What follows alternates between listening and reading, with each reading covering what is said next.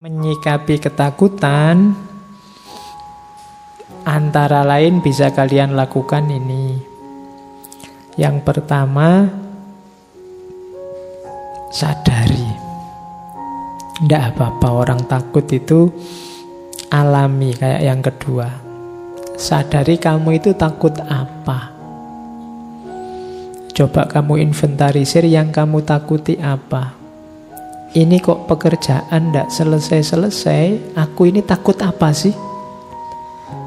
Takut capek, takut kehabisan waktu, takut apa? Banyak orang bilang sholat malam itu manfaatnya besar. Kok aku males sholat ya? Kok bangun rasanya kok ogah-ogahan? Kira-kira aku takut apa seandainya bangun jam 3 subuh misalnya takut paginya ngantuk, takut kesehatan terganggu, coba dicek. Sebenarnya teman-teman bisa lulus cepat. Aku juga harusnya bisa lulus cepat. Kok aku males-malesan ndak lulus-lulus? Yang tak takuti itu apa? Yang tidak aku inginkan itu apa? Itu kan yang kamu takuti. Sadari, kuncinya kamu menang yang pertama, kamu tahu yang kamu takuti apa.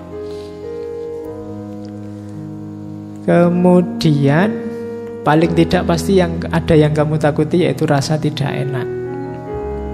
Kenapa kok ndak tekun baca buku? Mungkin karena baca buku itu ndak enak.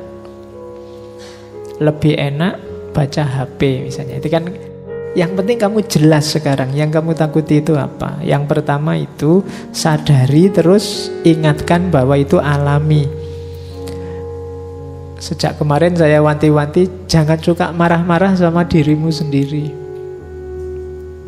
Ingatkan bahwa oh ya alami rasa takut ini tapi ini tidak terlalu bagus kalau dibiarkan. Jadi tidak harus dirimu dimarahi. Terus Persiapkan diri, pelajari rasa takutmu dan hadapi fight tadi. Bertarunglah. Kalau memang tadi misalnya ya kamu males bangun malam karena takut paginya ngantuk. Sekarang dihadapi, disiapkan, dipelajari. Oh biar paginya tidak ngantuk tapi tetap bangun malam apa?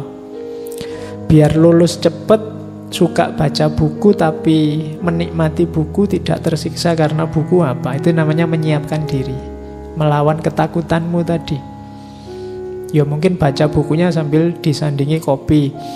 Kalau masih kurang ya ditambah gorengan, masih kurang tambah indomie, masih kurang lagi tambah apa itu jadi.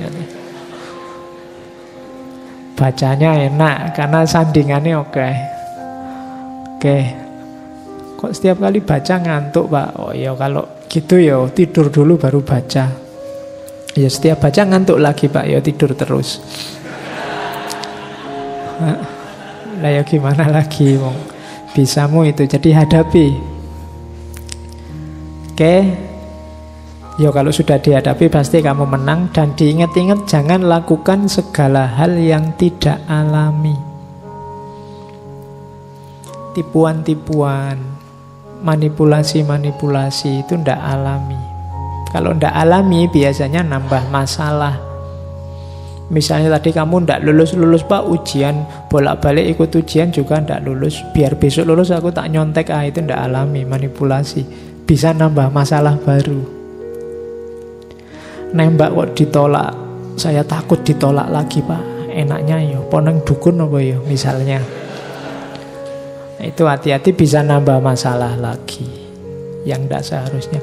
Kok tidak dapat dapat uang pak, enaknya gimana biar dapat uang? Ya lakukan secara alami saja. Segala yang tidak alami biasanya nambah masalah. Kan banyak itu kan yang tertipu investasi sekian, nanti dalam waktu sekian kaya raya itu. Yang tidak alami-alami itu biasanya panennya masalah. Jangan lakukan yang tidak alami. Taklukkan ketakutanmu secara natural saja, dikalkulasi yang rasional.